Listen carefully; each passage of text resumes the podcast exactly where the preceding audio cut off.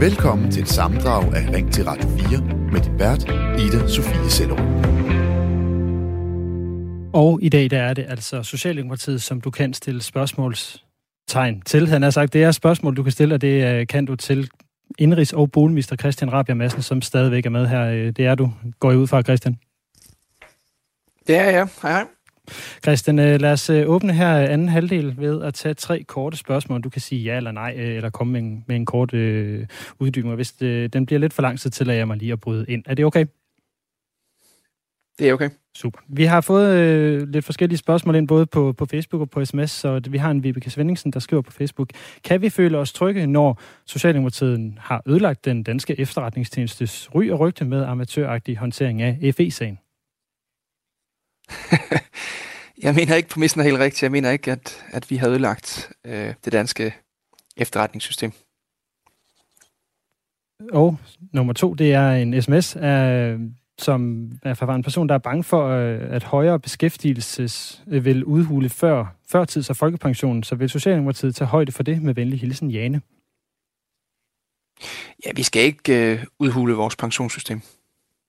I den tredje sms, det er, hvordan har Socialdemokratiet tænkt sig at hjælpe førtidspensionisterne under inflationen, og det er fra Frank. Vi har hjulpet med en højere ældrecheck. Vi har hjulpet med en indefrysningsordning i forhold til øh, energiregninger, hjulpet med en, en varmecheck, og vi vurderer hele tiden, hvad vi skal gøre. Udfordringen er, hvis man hjælper for meget, risikerer man at komme for mange penge ud i samfundet, og så bliver inflationen højere. Så det er den balance, vi, vi går på. Og øh, nu kan jeg så byde velkommen til Alex på 43 fra Jørgen. Velkommen til dig, Alex. Tusind tak. Alex, øh, du har et øh, spørgsmål til øh, psykiatrien. Vil du stille det videre ja. til Christian Rabia? Det vil jeg gerne. Øhm, det er egentlig en undren øh, over, at alle i partier nu her taler så meget om, øh, om, om psyki- psykiatrien, og den skal have, have bedre vilkår selvfølgelig. Det er jeg med på. Mit spørgsmål går egentlig på, hvorfor har man ikke tidligere haft fuldstændig øh, sid, sid, sidestillet psykiatrien med soma- somatikken? Hvis man skal øh, på venteliste til en, øh, til en psykiater i dag, så er der, er der venteliste på 60 uger. Hvad siger du til det, Christian Rabia? Jeg er enig i, at ventelisterne og, ventetiden i forhold til en psykiater er for lang. Øh, vi har løbende forsøgt at afsætte flere penge, har også lavet en 10-årsplan nu, men, men vi er ikke i mål på det her område, og, og derfor ligger der en betydelig opgave foran os. Øh, noget af det handler selvfølgelig om økonomi, men noget andet handler også om, at vi på det her område har vanskeligt ved at rekruttere. Øh, vi har vanskeligt ved at få, få uddannet tilstrækkeligt mange psykiater. Der er også øh, altså venteliste hos, hos psykologer. Så, så det er et område, som har behov for, at vi fortsætter, fortsætter arbejdet. Vi er ikke i mål endnu. Hvad siger du til det, Alex? Det, det svarer ikke rigtigt på mit øh, spørg- spørgsmål, fordi spørgsmålet er, hvorfor, hvorfor er tingene ikke side, side, sidestillet? Hvorfor er der forskel på den tilgang, politikerne har, om jeg har brækket benet, eller om jeg har ondt i cyklen? Christian Rabia, hvad siger du? Jamen, jeg ved ikke, hvor meget forskel der er. Altså, det er klart, at øh, der er områder, hvor vi heldigvis har en kortere ventetid øh, på det somatiske område, øh, kraftområdet, hvis man har brækket et ben. Så har du ret i, at der er en forskel. Øh, og, og jeg så gerne, at der var en, en mindre forskel. Øh, jeg ved ikke, om man kan sige, at vi ikke har gjort det tidligere. Altså, der er jo løbende taget initiativer i forhold til at nedbringe blandt andet, blandt andet ventetiden. Men, men jeg indrømmer, at vi, vi er langt fra i mål nu, og vi skal gøre mere, og vi skal gøre det endnu bedre og dermed også komme tættere på, at, at ventelisten i forhold til at få, få klaret sit ben, hvis det er brækket, øh, kommer til at, at minde om den venteliste, man oplever, hvis man har, øh, har slået sig øh, psykisk. Alex, tusind tak for, at du ringede ind. Jeg håbede, du fik øh, nogenlunde svar på, på, dit, øh, på dit spørgsmål her. Du lytter til Ring til partierne. Stil dit spørgsmål til dagens gæst på sms 1424 eller ring til partiet på 72 30 44 44. Så vil jeg gerne prøve at øh, spørge dig, øh, Ole øh, Folke fra vores lytterpanel. Hvad vil du gerne spørge Christian Rabia Madsen og Socialdemokratiet om? Jamen, øh, mit, det handler øh, især noget omkring inflationen og vores øh, energikrise. Jeg har øh, meget svært ved at forstå, øh, nu hvor jeg bor ude i en lille by, hvor der er øh, hvor vi har vores egen øh, fyringsmekanisme, enten med gas eller med pillefyr, eller hvad det folk nu ellers har, øh, så har jeg svært ved at forstå, at vi er i et land, som bidrager kolossalt meget af det grønne energi, vindmøller, og jeg kan jo se på min øh, strøm, strøm-app, at øh, over 70 procent, måske endda mere, øh, dækkes ind af vind og sol. Og så øh, ligger øh, gassen og, og, og, og flagrer omkring de 2-3 procent, som bidrager til øh, for eksempel strøm. Og det, som jeg har øh, svært ved at forstå, det er, hvorfor vi, øh, hvorfor man ikke kan ændre det system, at man skal stadigvæk betale, at, at det er gassen, der definerer prisen øh, på strømmen, og at man ikke formår at lave et system, der er mere retfærdigt. Fordi det der med at justere en lille bitte smule på øh, gaspriserne, eller hvad hedder det, afgifterne, øh, og, og, og tilbyde, at man kan låne penge eller få udsat, øh, det er jo et reelt lån, til folk, som i forvejen vil have svært ved at betale tilbage. Ole, øh, spørgsmål er sådan lidt kort. Undskyld, jeg afbryder. Undskyld. Dit spørgsmål er sådan lidt kort. Er, ja. Øh, ja, men hvad er det, man vil... Øh, altså, har man nogle idéer om, hvad man vil gøre ved det her? Øh, fordi det, som der er lige nu, det er, ikke, det er jo ikke noget, man kan spare sig ud af på nogen som helst måde. Christian Rabia, hvad siger du til spørgsmålet her? Jamen igen et meget kvalificeret spørgsmål. Øhm, jeg tror, man kan sige på den, altså hvis vi taler om det helt grundlæggende, så den eneste løsning, som virker øh, strukturelt for alvor, det er jo, at vi frigør os fra Putins gas. Fordi vi kan se, at han bruger det som et, et våben mod os, og det har nu betydet nogle priser, som er, som er ekstremt høje. Jeg fyrer selv med gas derhjemme, så, så, så det er selv meget klar over, hvad, hvad det koster. Øh, så den, den rigtige løsning, den tunge løsning, det er jo at bygge flere øh, vindmøller, øh, flere solceller, få gang i Power to X, øh, bygge flere vindmøller også øh, på, på, på vandet. Derfor har jeg selv personligt forhandlet en aftale sammen med, med Dan Jørgensen lige før sommer, hvor vi har aftalt at, at, at firedobbelte produktionen af grøn strøm på, på land, fordi det er det, man kan gøre på den korte bane, og i løbet af en 10-årig periode kan man så udbygge også på, på havet. Øh, så, så det er et spørgsmål om i højere grad at blive selvforsynende øh, med grøn energi.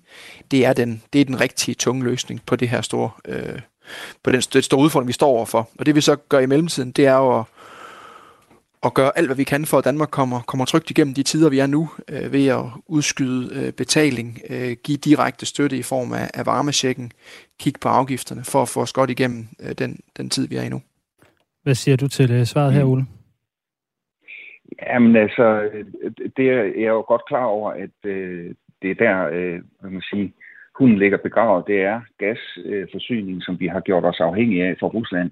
Men jeg, jeg synes stadigvæk ikke, øh, det svarer på, hvordan øh, øh, man kan hjælpe folk igennem. Fordi det der med at, at få lov til at udskyde regningen øh, til senere, det er der bare rigtig, rigtig mange mennesker, der øh, ganske enkelt ikke har råd til. Altså, de har ikke råd til at betale det nu, de har heller ikke råd til at afdrage det, øh, fordi mange, de, øh, måske bor man alene, eller øh, man har vidderligt ikke den indtægt, der skal til. Så jeg har svært ved at se, hvorfor man ikke kan gøre noget ved det. Altså i forhold til de der med, at man skal betale fuld pris, øh, max, øh, for eksempel på el til, når det er grøn energi. Det øh, har jeg svært ved, og det er jo den der øh, berygtede el børs og hele det system der. Og det ved jeg godt, man måske, øh, det er en beslutning, der skal tages i EU, men øh, jeg savner, at øh, politikerne de presser ordentligt på. Eller jeg ser det i hvert fald ikke. Hvad siger du til det, Christian Rabia? Det er rigtigt det sidste, øh, Ole siger her, i forhold til vores, øh, det markedssystem, der er i forhold til energi. Og der er vi jo sådan set i gang i EU nu i forhold til at kigge på nogle af de overnormale profitter, der bliver tjent på det her marked, kan, kan tilbageføres til, til forbrugerne. Øhm, jeg tror, i forhold til det andet spørgsmål, i forhold til gas, øhm, så kunne man jo godt ligesom, lege med tanken, havde, havde, det været, havde det været en bedre løsning, hvis, hvis gaskunder øhm, ikke skulle betale deres gasregninger. Det havde det måske for, for nogle af kunderne, øhm, men, men konsekvensen af det ville jo være, at, at så, skal, så skal resten af danskerne betale de, de regninger. Øh, og det, det, det, det, vil, altså det vil være ekstremt dyrt, øh, virkelig, virkelig dyrt, og, og, og jo også en løsning, øh, som, som vil betyde, at inflationen vil, vil, blive, vil blive banket meget, meget højt op, fordi vi skulle bruge rigtig mange penge på det. Og det er jo derfor, vi laver den her ordning, hvor man over en femårig periode kan afdrage Øh, og hvis øh, det er sådan, at, at det vi ser i øjeblikket er nogle, nogle fluktuationer, altså en, en, en, en midlertidig høj gaspris, så er det så en, en høj gaspris i en periode, som man så kan dele ud over, over fem år. Og det er min, det er min forvisning, at det vil der være mange danskere, som kan håndtere. Og jeg mener, under omstændigheder, det er den, det er den bedste løsning, fordi alternativet det med, at, at, at samfundet, at, at statskassen betaler danskers energiregning, det øh, er sådan bredt set helt generelt, det er der simpelthen ikke nogen regering, som, som øh, med troværdigheden og ansvarligheden i behold vil kunne sige, at de kan finansiere. Og det er derfor, vi går ind og laver den her udskydelse, så man kan betale øh, regningen over en femårig periode.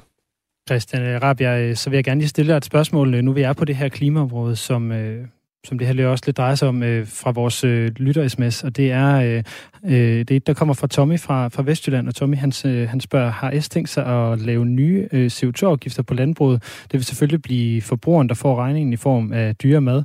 Øh, hvis S eller hvad vil S gøre øh, ved, at klimatiltaget rammer de fattige hårdest øh, og midt i inflationen, der er rekordhøj? Jeg synes jo, vi har bevist, at vi kan gennemføre en grøn omstilling, uden at det rammer skævt socialt, uden at vi får et, et dårligere land.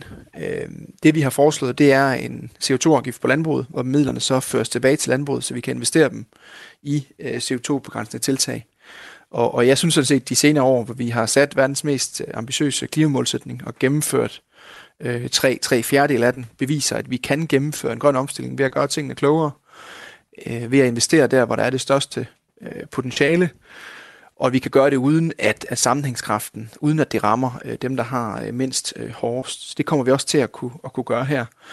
Der er også et, et væsentligt element i den grønne omstilling, som jo er, at, at Danmark er, er forrest øh, i klassen her, og, øh, og når vi viser resten af landet, øh, resten af verden, hvordan man kan eksempelvis drive et landbrug, øh, hvor CO2-aftrykket bliver væsentligt mindre, så er jeg helt overbevist om, at de teknologier, som vi bringer i anvendelse, vil blive efterspurgt. Og det er jo lige med, med danske arbejdspladser i, i både, i, øh, både, både ufaglærte og, og, og faglærte, når vi kan sende vores teknologi til, til resten af verden. Christian Rabia, øh, tak for det svar. Øhm, du har jo faktisk også forberedt et par spørgsmål til vores øh, lytterpanel. Øhm, så vil du ikke stille det ud til, til dem, så kan vi få spørgsmål den anden vej også.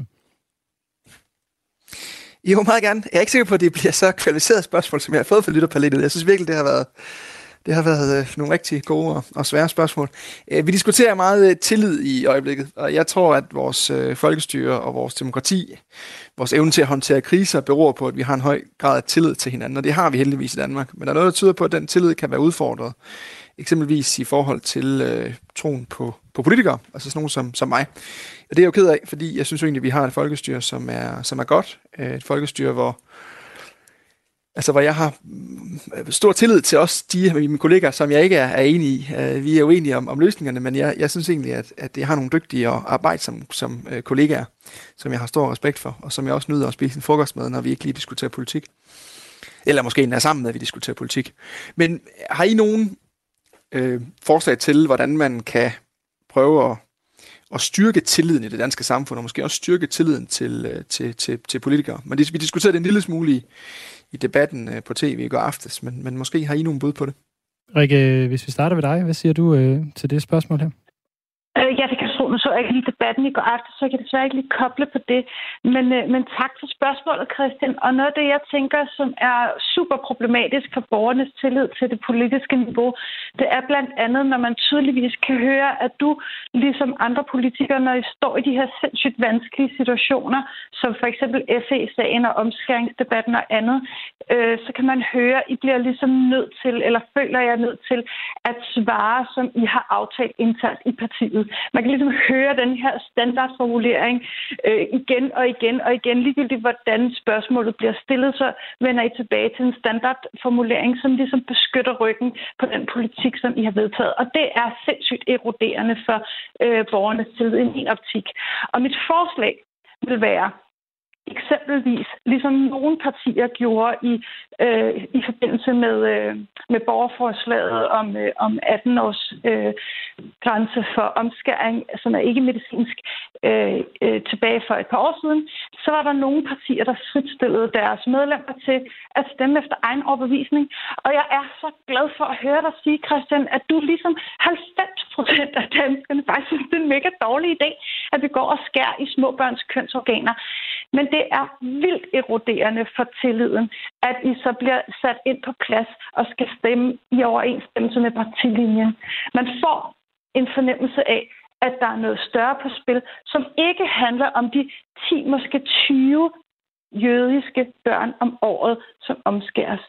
Når 90 procent af danskernes mening overhøres, samtlige midterpartier. Man får altså en klar fornemmelse af, at der er stor politik i spil, at USA ånder jer i nakken, og at øh, vores politikere af en eller anden årsag ikke synes, at vi danskere vi kan tåle at vide, hvad fanden får vi egentlig for de der forhuder. Så mit forslag er, at arbejde for at fritstille politikerne til at stemme efter egen overbevisning, og så fint nok i hverdagen, så man er nødt til ligesom at argumentere for en partilinje, så vi ved, hvor partiet står. Det, det er et øh, godt forslag, Rikke, kommet her. Ole, jeg vil også gerne lige nå at stille den over til dig, inden vi tager den tilbage til, øh, til Christian Rabia. Så hvad tænker du om, øh, om Oles, øh, eller slår om Christians spørgsmål om at, at gøre politikerne mere, øh, mere troværdige eller genskabe tilliden?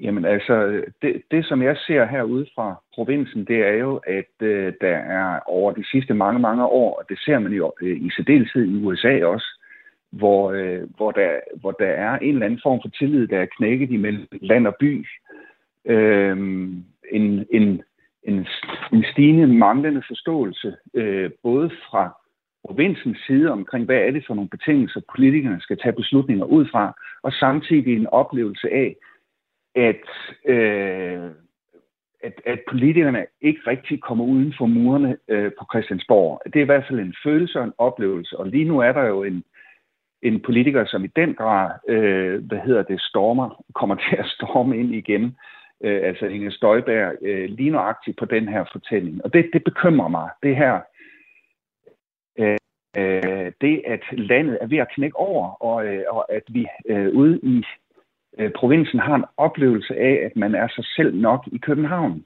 Øh, og at det er der, pengene bliver bevilget til, og åh ja, I kan da lige få et sprogcenter i Bones, eller...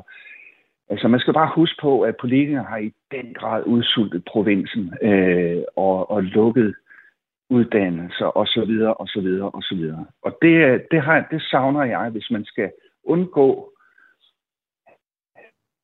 hvad skal man kalde den jyske inflation, eller hvad hedder det, invasion eller revolution, så er man altså nødt til at gøre et eller andet øh, på den her front, og være god til at lytte til, hvad der, der sker, og, og, og imødekomme det, og ikke tale det der lukkede politikersprog.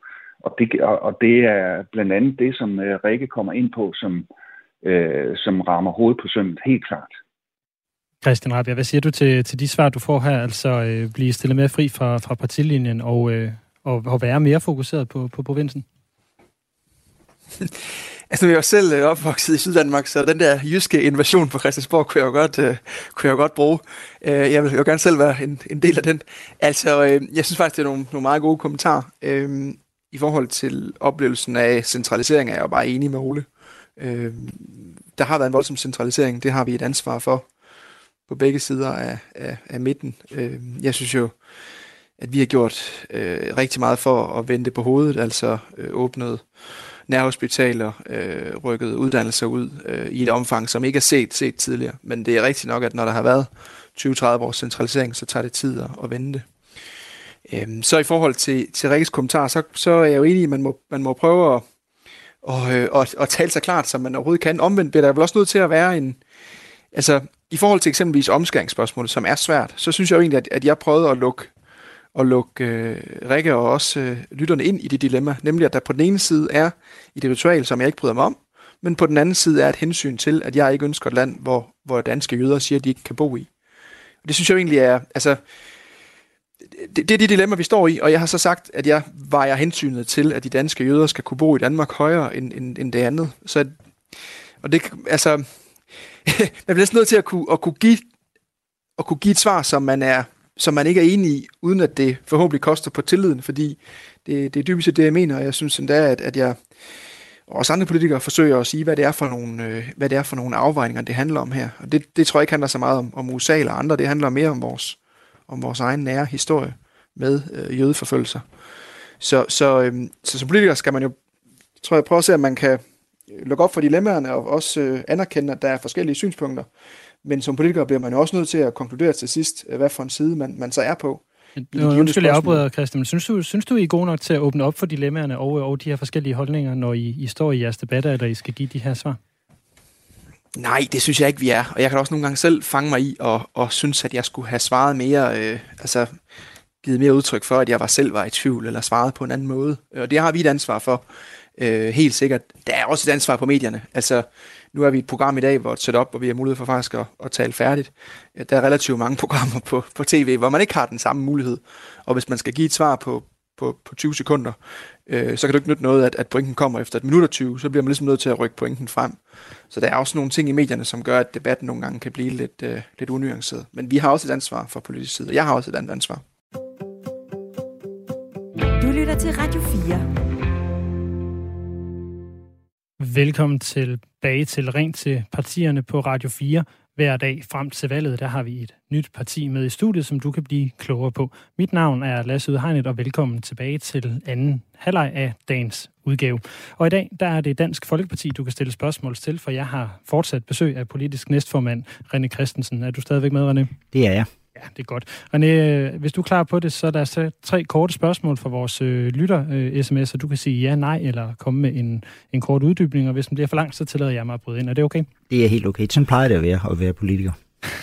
det er godt. Jamen, øh, lad os bare tage den fra, fra toppen af. Øh, skal arve, arveafgiften fjernes eller forhøjes med venlig hilsen, Rasmus?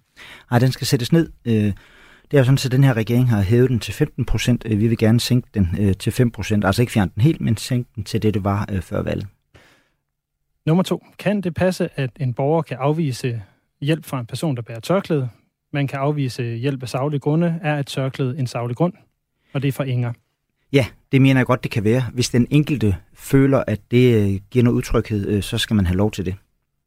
Det tredje er, synes Dansk Folkeparti, at der skal afles mink i Danmark med venlig hilsen fra Tommy fra Vestjylland det var i hvert fald et erhverv, som øh, bidrog rigtig meget til, til velfærden. Øh, så hvis man kan gøre det, og man kan få en øh, ordentlig dyrevelfærd, det har man jo mulighed for nu, hvis man skal starte op igen og få lavet en god dyrevelfærd, så mener jeg bestemt ikke, man skal være afvisende over for det. Så det er vi positive overfor. René, øh, hvis vi lige bliver ved nogle af jeres øh, mærkesager for et øjeblik, så øh, er ældre jo noget af det, der fylder aller, aller mest for jer. Vil du ikke prøve at sætte et ord på, hvad er det, I gerne vil gøre for at gøre det nemmere at være ældre i Danmark? Det vi gerne vil, det er, at øh, det skal være værdigt at være ældre, og man skal også have selvbestemmelse over eget liv, når man er blevet ældre. Det, der sker, når man øh, måske ikke sådan helt kan, kan klare sin egen hverdag, så bliver man sådan så bliver man øh, på en eller anden måde en del af en institution. Altså når man kommer på plejecenter, så bliver man sådan det hele sat i system. Og derfor gjorde vi også det i sin tid, vi lavede den her værdighedsmilliard, som vi jo sendte ud, hvor man netop øh, fik det her klippekort, sådan så man også har nogle timer, hvor man kan sige som ældre, jeg kunne godt tænke mig at få gjort et eller andet, eller jeg kunne godt tænke mig at komme en tur øh, på biblioteket, eller en tur på kirkegården, eller noget andet. Altså man får noget mere frihed, også selvom man er blevet ældre og har brug for at få det offentlige til hjælp. Så det er det, der er det vigtigste for, det er, at det, det er værdigt. Og så er det selvfølgelig også øh, forskelligt, hvad man, hvad man har lyst til. Øh, der kan også være nogle kvinder, som hele livet har stået op, særligt de ældre, og taget læbestift på og kindrud på. Men hvorfor må man ikke få hjælp til det, bare fordi man er blevet ældre, hvis man nu har det godt med at se sig og spejle sådan? Der mener vi simpelthen, at det, det skal man have lov til. Vi har fået et spørgsmål på sms ind, øh, René, som øh, går på, om folkepensionen skal stige eller ej. Ja, det, øh, det mener vi jo bestemt, den skal, og derfor var vi jo rigtig glade for, at vi i finansloven for 2018 fik fjernet satspuljen. Satspuljen gjorde også rigtig meget godt, øh, men satspuljen, satspuljen var jo med til at udhule overførselsindkomsterne, og særligt folkepensionen. For det var jo sådan, at folkepensionen hver gang den stiger i forhold til pris- og lønfremskrivning, så tog satspuljen 0,33 procent. Det gør den ikke mere. Og så ønsker vi også, at øh, folkepensionen bliver reguleret hurtigere. Folkepensionen bliver reguleret nu med to års tilbagevirkende kraft. Altså at øh, folkepensionisternes købekraft er hele tiden to år bagud. Så når vi sådan har vækst i samfundet, særligt nu hvor der er inflation, der er det en ret stor udfordring, at øh, folkepensionen er bagudjusteret. Øh, Den skal være justeret sammen med pris- og lønfremskrivningen. Men jeg står og kigger på jeres øh, ældrepolitik, og jeg kan se, at øh, I gerne vil sætte pensionsalderen til 70 mm. år. Hvordan hænger det så økonomisk sammen, når der bliver flere og flere ældre i den kommende tid?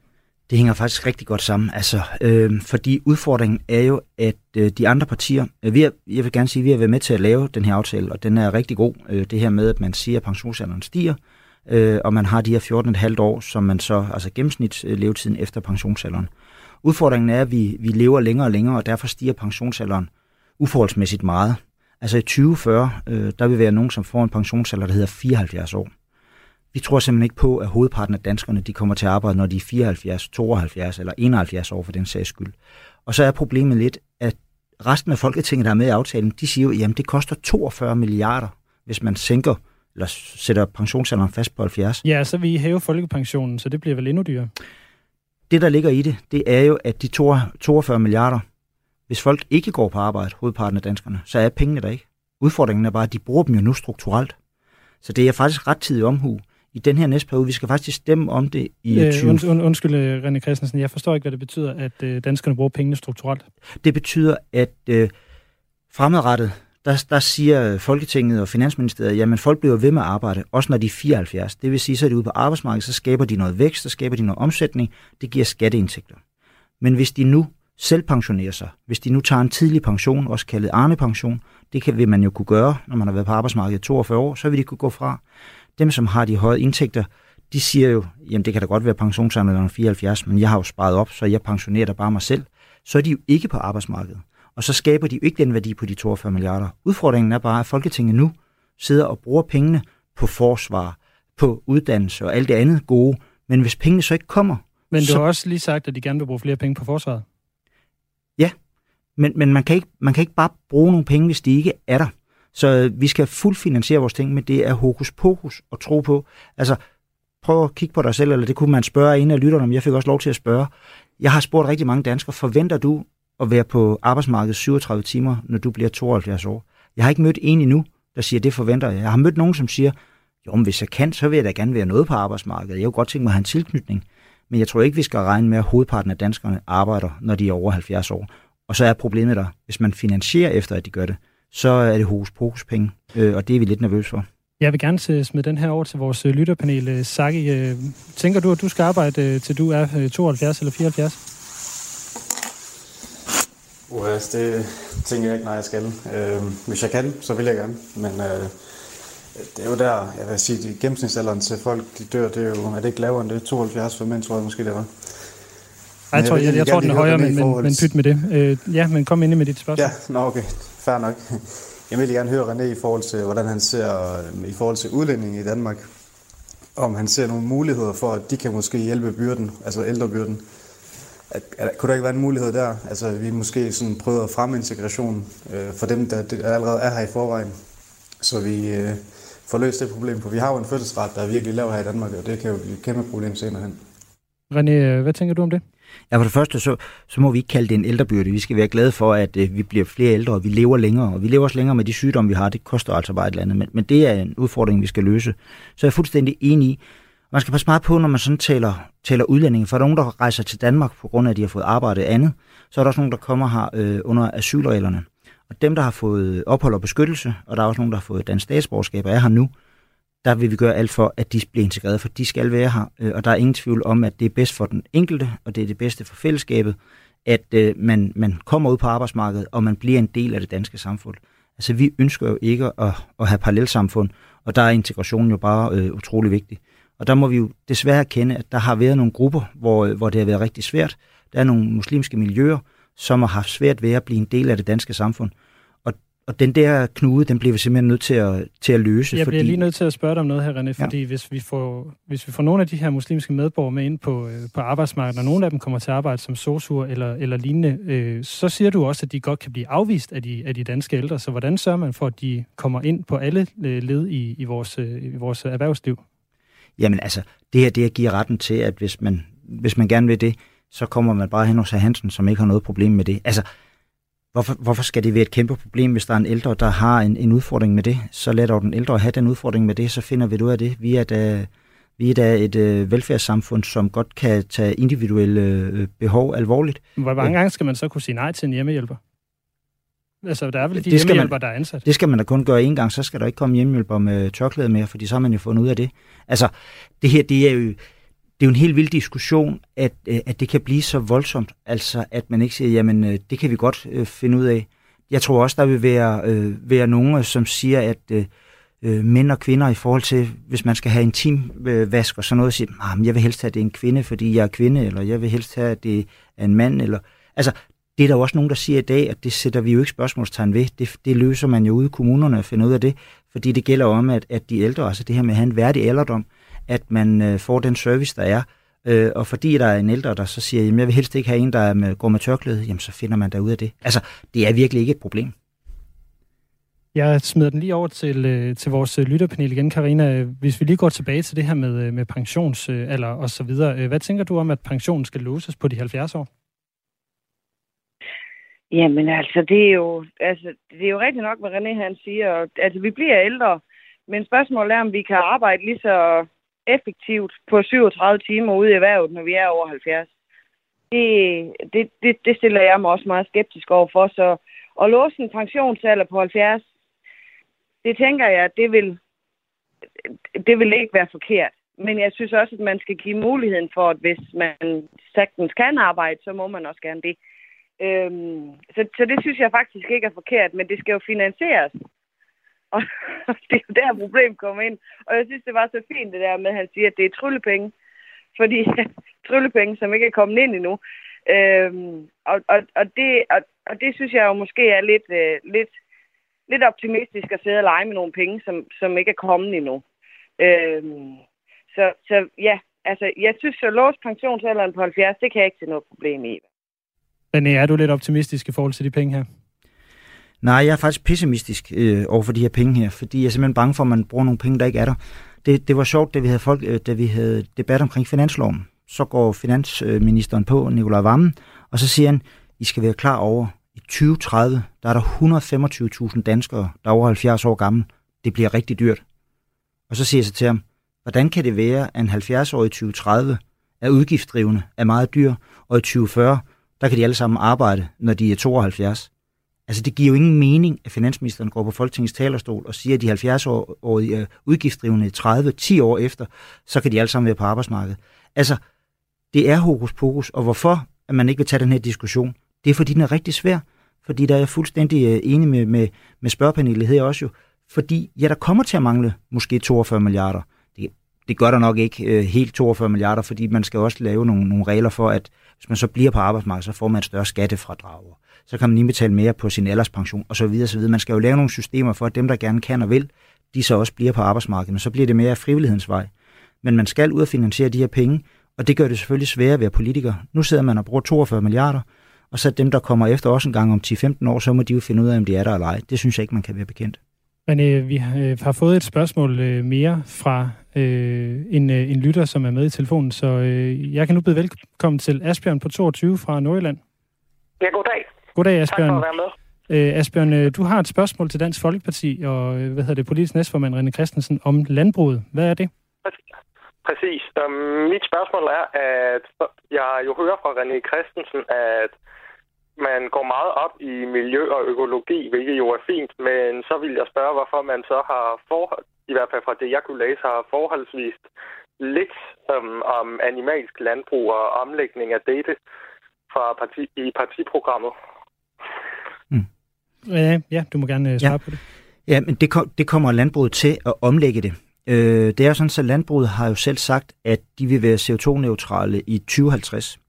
Øh, nu har vi jo en stor debat nu, jeg lavede også mærke til, at Liberale Alliance i går sagde, at nu vil de pålægge CO2-kvoter til landbruget. Der står vi lidt et andet sted. Vi vil gerne tage landbruget på ordet og så sige til dem, det skal I også, øh, fordi den beslutning har vi jo sådan set taget i, i, i Folketinget, at Danmark skal være CO2-neutral i 2050, og det skal landbruget også bidrage til. De skal også bidrage til 70% målsætningerne i 2030. Det er altså kun om 8 år. Og der synes vi, at vi skal sige til landbruget, at vi skal lave sådan en progressionslinje, altså en linje for, hvordan vil de nedbringe deres øh, CO2-bidrag i, i forhold til, at de skal være CO2-neutrale i 2050. Og så skal vi måle dem på det. Så skal de bruge deres faglighed, i stedet for at vi pålægger dem en CO2-afgift, som de så bare egentlig kan lægge over på produktet. Det vil jo sige, at, at hvis en liter mælk kommer til at stige 2 kroner, så kan de jo bare lægge, lægge det over på, og så betaler de jo egentlig bare for at få. Så jeg synes egentlig, vi skal sige til landbruget, vi skal lave en forpligtende samarbejdsaftale om, hvordan I når jeres øh, klimamål, og hvis I ikke når dem, så bliver vi nødt til at træffe nogle andre beslutninger på Christiansborg, og så kunne det godt være en CO2-afgift. Men når erhvervet selv siger, at de med faglighed og management kan levere det her, så skal de også have lov til at bevise, at de kan. Jeg vil gerne lige give Asbjørn mulighed for at, at, at svare på det, eller stille spørgsmål tilbage. Jamen, jeg kan ikke sige så meget nu, men tak for svaret. Ja, det, den går så videre til, til dig, Anne. Vi, vi har jo også bedt dig om at forberede et spørgsmål til vores øh, lytterpanel. Det er jo en, en din chance som politiker for rent faktisk at spørge øh, nogle vælgere om, øh, om noget, som, som kunne betyde noget for dem. Øh, har du et spørgsmål forberedt til vores øh, lytterpanel? Ja, det har jeg, og det var noget helt andet end det, jeg havde forberedt, fordi at det var, hvad hed han nu, der, der skrev ind om det her med politikerleden der. Altså, når I som vælger, hvordan ser I egentlig, når I ser på politikerne, ser I dem som repræsentant for jer, eller ser I dem som repræsentant for noget andet? Fordi vi sidder jo på et folkeligt mandat. Så vi er jo borgernes repræsentanter. Men hvordan ser I egentlig, ser en politiker? Ikke kun mig, men sådan alle politikere. Karina, den må du gerne få lov at starte på. Jeg ser i hvert fald ikke politikerne som repræsentant for borgeren mere. Det har jeg gjort en gang. Det gør jeg ikke mere. Nu ser jeg mere en politiker repræsentant for, at vores samfund skal blive ved med at køre på de pumper, det har kørt på altid øh, en repræsentant for, at vi ikke er så meget for forandring. En repræsentant for, at Folketinget Christiansborg skal fungere, som det altid har fungeret. Øh, en politiker lidt for sig selv og sin egen valgkreds. Øh, så, så det er sådan set sådan, at jeg ser politikerne, øh, uanset hvor meget de står og siger i det offentlige rum til de diverse debatter, så øh, tror jeg måske, at jeg kan svare på de fleste vegne, når vi sidder og siger, når I står og siger, at vi vil, vi vil velfærden, vi vil jer det bedste, så ved vi godt herude bag skærmene, at vi godt vil, at I gerne vil det, men I kan ikke. René, hvad gør det ved dig at høre øh, det, Karina siger her? Jamen, jeg tror desværre, for nogens vedkommende, der har Karina faktisk ret. Altså, og udfordringen er også lidt, når vi kigger på de udfordringer, vi står for nu, altså dem, der har været før os, politikere før os, altså nu ved jeg godt, det er gået langt tilbage, men for 100 år siden, der var mange, der ikke kunne læse og skrive. Så lavede man nogle skoler, og i 50'erne, der byggede man den type skole, som vi stadigvæk har. Og nu øh, er omkring øh, 85-90 procent, de kan læse og skrive, men der er stadigvæk sådan 10-15 procent, der har udfordringer. Vi skal jo løse det for de 10-15 procent. Så vi skal jo, vi skal jo, vi skal jo have nogle andre redskaber, end dem, man tidligere har brugt. Og det er jo der, hvor at man virkelig skal være omstillingsparat. Så det er egentlig meget enig i. Politikerne, som tror, at man bare kan komme i Folketinget og sige, at vi bruger bare de samme redskaber, som man har brugt de sidste 30-40 år, så, så lykkes man ikke, for vi skal noget helt andet. Og der vil jeg gerne sige, at altså, uddannelse er jo noget af det, der betyder allermest for mig, fordi hvis vi ikke får flere med, altså, så bliver vi ikke ved med at være en af verdens rigeste lande og have det velfærdssamfund, som vi har. Og vi kan ikke være bekendt, at så mange, hvad hedder det, ikke får sig en ungdomsuddannelse, og så mange unge, I, I ved det jo også, det fylder jo også meget, altså det her med, at man har præstationsangst, og altså man bliver mere og mere presset. Vi, vi har aldrig været mere økonomisk rige, men sådan personligt og sjældent, der er vi begyndt at blive for fattige, og det skal vi simpelthen have løst. Så, så jeg er egentlig meget enig i, at øh, man skal være en modepolitiker, men man skal også have været politiker noget tid, før man sådan opdager det. Jeg opdagede det heller ikke i starten. Jeg skal også være ærlig og sige, jeg kom jo også ind og tænkte, nu skal vi bare lige flytte på nogle brikker, så kan vi løse det. Så det er jo sådan en erfaring, man får med tiden også, øh, men øh, billedet er faktisk ikke helt forkert. Jeg vil gerne lige, lige give dig, Sage, muligheden også for at svare på Renés egentlige spørgsmål til jer. Øh, hvordan ser du på, på politikerne, når de, når de står og taler? Er de en repræsentant for folket? Nej, det synes jeg ikke. I hvert fald ikke størstedelen. Jeg synes, politikerne de er en repræsentant af, hvor der er stemmer henne. Øhm, så de, øhm, ja, de ændrer på deres holdninger, som vinden blæser, synes jeg lidt. Øhm, det, det synes jeg lidt er sjovt at sådan observere, hvordan de sådan prøver at undgå, undgå at svare på nogle bestemte svar, fordi at det er ikke så populært, eller ja, sådan generelt set synes jeg, at de er repræsentanter for, hvor vinden blæser. Ja, det er jo den, lidt den samme, du, du hører her igen, øh, René. Hvad, øh, hvad tænker du om ja, jeg synes, det var, det var faktisk lidt noget andet. Øh, men, men det er jo det er jo den måde, vi kommunikerer med hinanden. Og der, der tror jeg bare, at øh, hvor mange danskere læser egentlig en kronik mere, som man øh, sætter i Berlingsen eller, eller Politikken. Det er der næsten ingen, der læser. Hvem læser øh, fire linjer i et opslag på Facebook? Det er der rigtig mange, der gør. Men fire linjer på Facebook kan bare ikke det samme som en øh, kronik i Berlingske. Altså, vores dialog med hinanden, den er simpelthen blevet for forsimplet. Øh, og det er svært at komme igennem med de der, hvad skal man sige, øh, store sager, altså de der dybtegående udfordringer, som vi kan have i samfundet, og alle de gode ting. Og det er også det, altså jeg bliver jo tit mødt af journalister, som siger til mig, kan du ikke lige stramme den lidt? Nej, jeg har ikke lyst til at stramme den. Nå, men så kan du ikke komme i. Altså, det er konflikten, der driver kommunikationen med, med borgerne, og det synes jeg er rigtig ærgerligt. Også fordi, når vi taler sundhedsvæsenet for eksempel, så taler vi om de der 10-15 procent, der ikke fungerer. Der er også rigtig, rigtig meget, der fungerer. Og så kan jeg godt forstå, at sundhedspersonale pludselig sådan, de er skældt ud hele tiden. Alt, hvad de laver, fungerer ikke, men det passer jo ikke. Altså, vores samfund fungerer jo rigtig godt, og så er der nogle ting, der ikke fungerer. Men det er, når man taler ud af vinduet, så er glasset altid, hvad hedder det, halvtomt. Øh, og når jeg kigger på mig selv, så vil jeg jo gerne være en person, hvor glasset altid er halvfyldt. Altså, man skal altså også huske nogle gange at løfte skuldrene og rejse hovedet, og, og som politiker så, så gå ud og så tage de der svære debatter med borgerne også, men der er næsten ikke plads til det. Og så får vi den der, som virker som om, I taler jo bare om de der øh, små, ubetydelige ting. Ja, fordi det man får lov til at kommunikere, desværre. Så kun 2% af befolkningen er medlem af et politisk parti. Hvis der er nogen, der har lyttet med her, som siger, jeg synes egentlig, der var noget, der skulle være anderledes, så gå ind og overvej, hvad for et parti skulle være medlem af. Der er simpelthen for få, der er aktive i vores øh, demokrati, og det er, det er rigtig ærgerligt, og vi skal passe på det. Du lytter til Radio 4. Velkommen tilbage til Ring til partierne på Radio 4. Hver dag frem til valget, der har vi et nyt parti med i studiet, som du kan blive klogere på. Mit navn er Lasse Udharnet. Velkommen tilbage. Og i dag, der er det Liberale Alliance, du kan stille spørgsmål til, for jeg har fortsat besøg af partileder Alex Van Opslag. Og indtil nu, der har vi talt lidt om, øh, hvordan man vil gribe inflationen an i forhold til virksomheder. Vi har talt om lidt om retspolitikken, øh, eller de, øh, de mærkesager, som øh, Liberale Alliance har inden for rets, øh, retspolitikken. Og øh, Alex Van Opslag, øh, jeg har tre korte spørgsmål fra lytterne. Du kan sige ja øh, eller nej, eller komme med en kort uddybning. Øh, hvis den er for lang, så tillader jeg mig at bryde ind. Er det okay?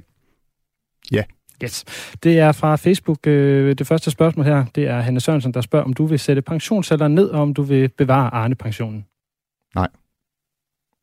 Det, det, det vil jeg ikke. Og hvis man øh, ikke lader pensionsalderen stige, sådan som det er planlagt, så, så vil man slå et kæmpe hul i statskassen, og så hele fundamentet for vores velfærdssamfund væk. Så det synes jeg er økonomisk uansvarligt. Så er der et sms-spørgsmål, som vi har fået ind her, øh, mens du har været med, øh, Alex. Øh, hvorfor stemte Liberal Alliance ja til loven om tvungen hjelm på elløbehjul med venlig hilsen, Bjørn? Jeg skal være ærlig og sige, at det ikke er en lov, jeg husker, og heller ikke husker at stemme for, så jeg må være svar skyldig. Men var det Bjørn? Ja.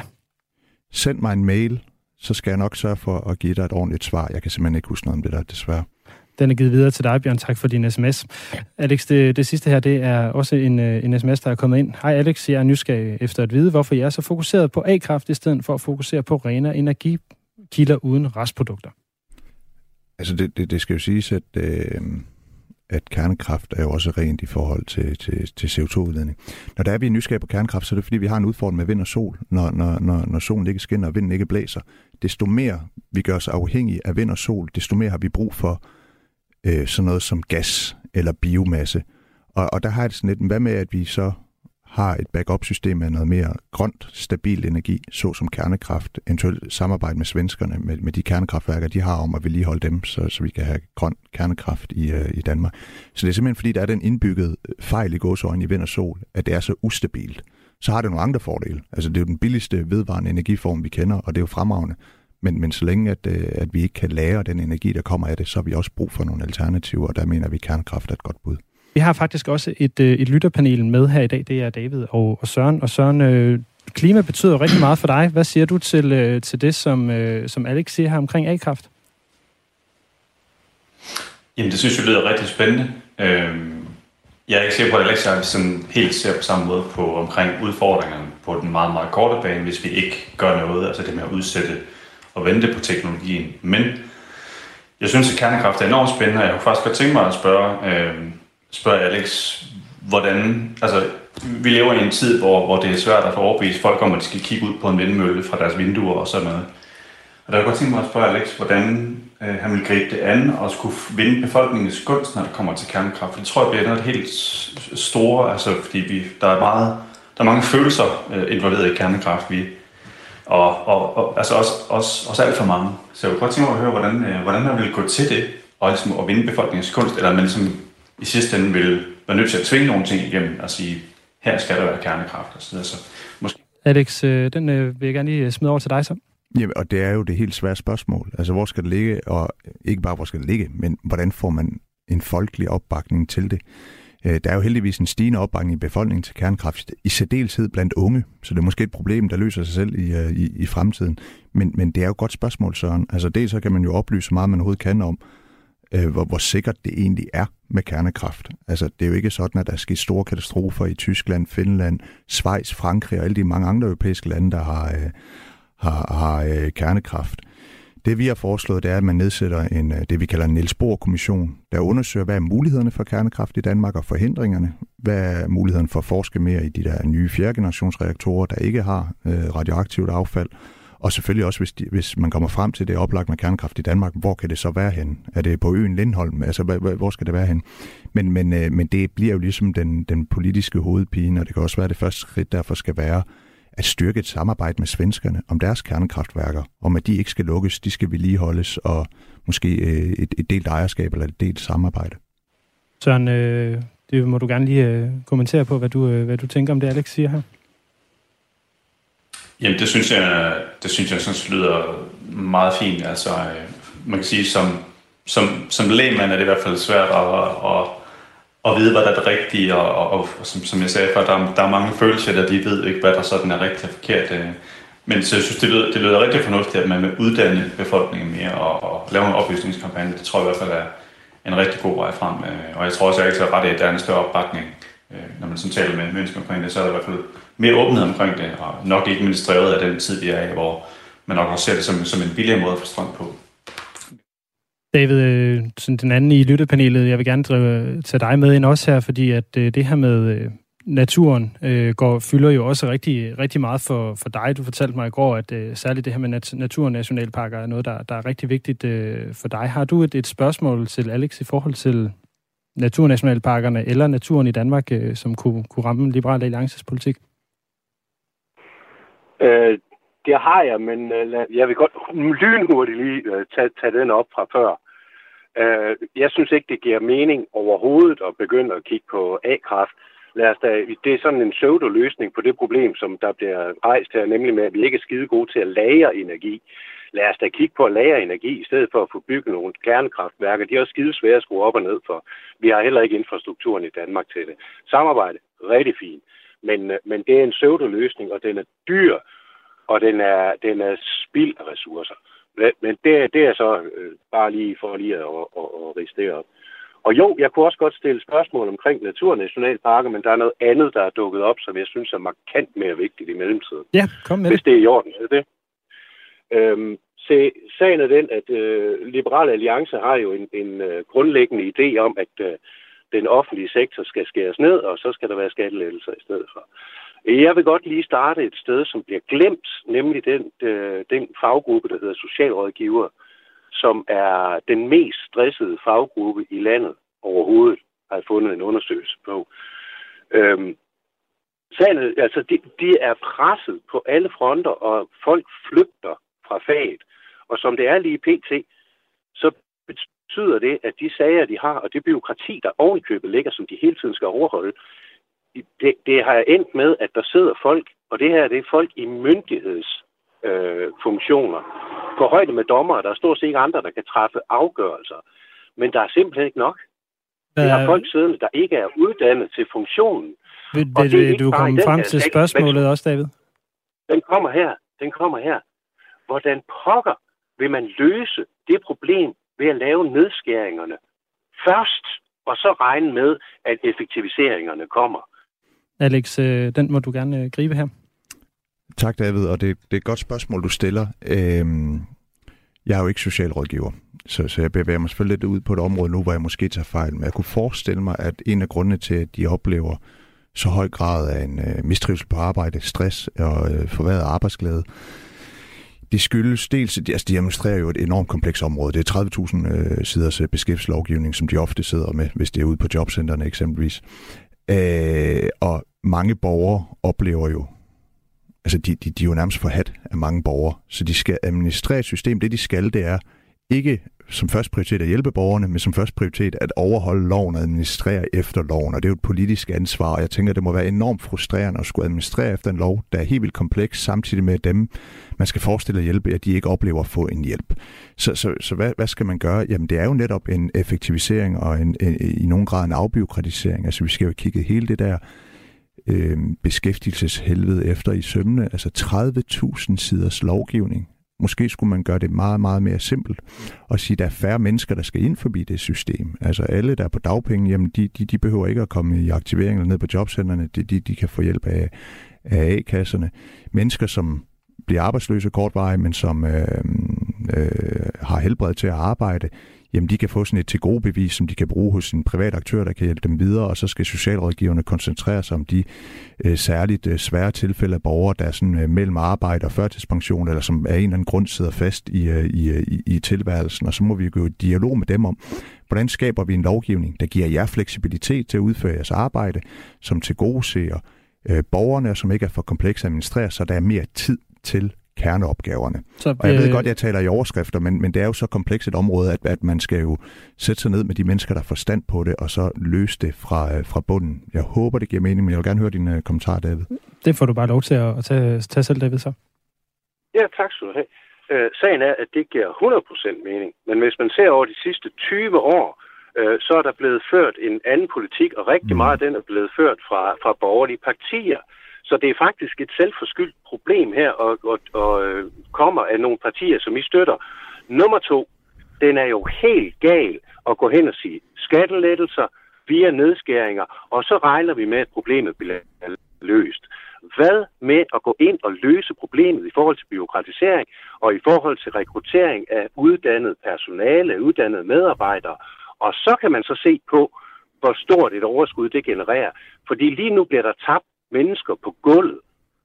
Den, øh, der ligger nogle ting i det her, Alex, øh, i forhold til rekruttering, som, som jo også rammer andre faggrupper, der vi har omkring, rundt omkring i, i det offentlige. Og, og vi har jo et, et øh, begynder at have et, et faglært øh, problem i forhold til socialpædagoger, sygeplejersker osv. Mm. Så hvordan øh, vil I egentlig prøve at gribe den her problematik an med, at vi har for få øh, fag- eller professionsfaglige ude i, øh, i, i den offentlige sektor?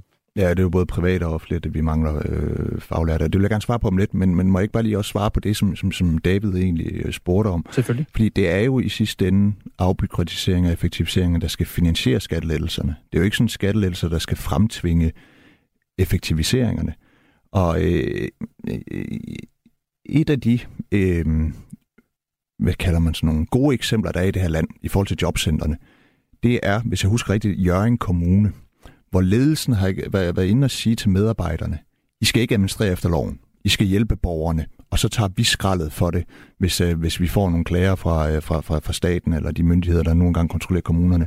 Og det så vist at Jørgen Kommune med forskellige indsatser, ikke bare det, har været en af de mest effektive kommuner til at få øh, langtidsledige unge tilbage i arbejde, øh, fordi man let har gjort oprør mod det system, der er. Og for mig se beviser det egentlig bare, at, at, øh, at, at, at der er det her bureaukratiseringspotentiale, afbureaukratiseringspotentiale, øh, og, og det er jo ligesom det, man skal tage fat i, og så bruge de penge til at sænke skatten. Og, og bare lige for at nævne et enkelt tal. Hvis det er sådan, at vi kan formå at nedbringe antallet af akademikere ansat i kommunen tilbage til det niveau, der var i 2007, og i staten nedbringe antallet af akademikere tilbage til det niveau, der var i 2011. Altså vi siger, at det niveau, vi havde af akademikere, i kommune og stat i 2007 og 2011, det kan vi godt klare os med i dag. Hvis vi kan få må at nedbringe det tal år for år, så er der 20 milliarder at spare. 20 milliarder at spare. Altså det er et kæmpe beløb, som man kan bruge til, til skattelettelser. Så er der så udfordring, som du nævner, øh, kære vært, øh, om, om mangel på arbejdskraft. Og på de områder, hvor det er muligt, altså der, der, der skal vi gøre det meget nemmere at tiltrække udlandsk arbejdskraft. Vi har foreslået eksempelvis i forhold til sygeplejersker, at, at vi skal tilbyde udlandske sygeplejersker at komme ind på, på den der forskerskatteordning, altså hvor de betaler en lavere skat de første par år, for at gøre det mere attraktivt at komme til. Ældresagen har foreslået, at vi opretter sosu-uddannelser i udlandet, så vi kan uddanne kommende sosu-assistenter i andre lande og få dem til Danmark. Det synes jeg er et godt forslag. Vi skal gøre meget mere for at få udlandsk arbejdskraft, fordi vi kan jo ikke bare trylle sygeplejersker eller sosuer frem, eller socialpædagoger. Socialpædagoger er måske ikke lige det mest oplagte område med udlandsk arbejdskraft. Men vi bliver nødt til at tænke udlandsk arbejdskraft ind i det. Og så bliver vi jo nødt til, nu var der en, der skrev ind om den stigende pensionsalder. Altså hvis der er, vi bliver ved med at lave arnepensioner og efterløn og siger, at nu skal der være et stop for pensionsalderen, jamen så er det jo også arbejdskraft i den offentlige sektor, der ryger væk, og, og det, på den måde graver vi jo bare hullet dybere, så der er jo brug for reformer i bund og grund, der, der gør, at der er flere mennesker, der står til rådighed for arbejdsmarkedet, både privat og offentligt. Alex Van Opslag, partileder for Liberal Alliance. Tusind tak for, at du vil være med her. Vi er tilbage igen i morgen med endnu et, øh, et parti. Vi lyttes ved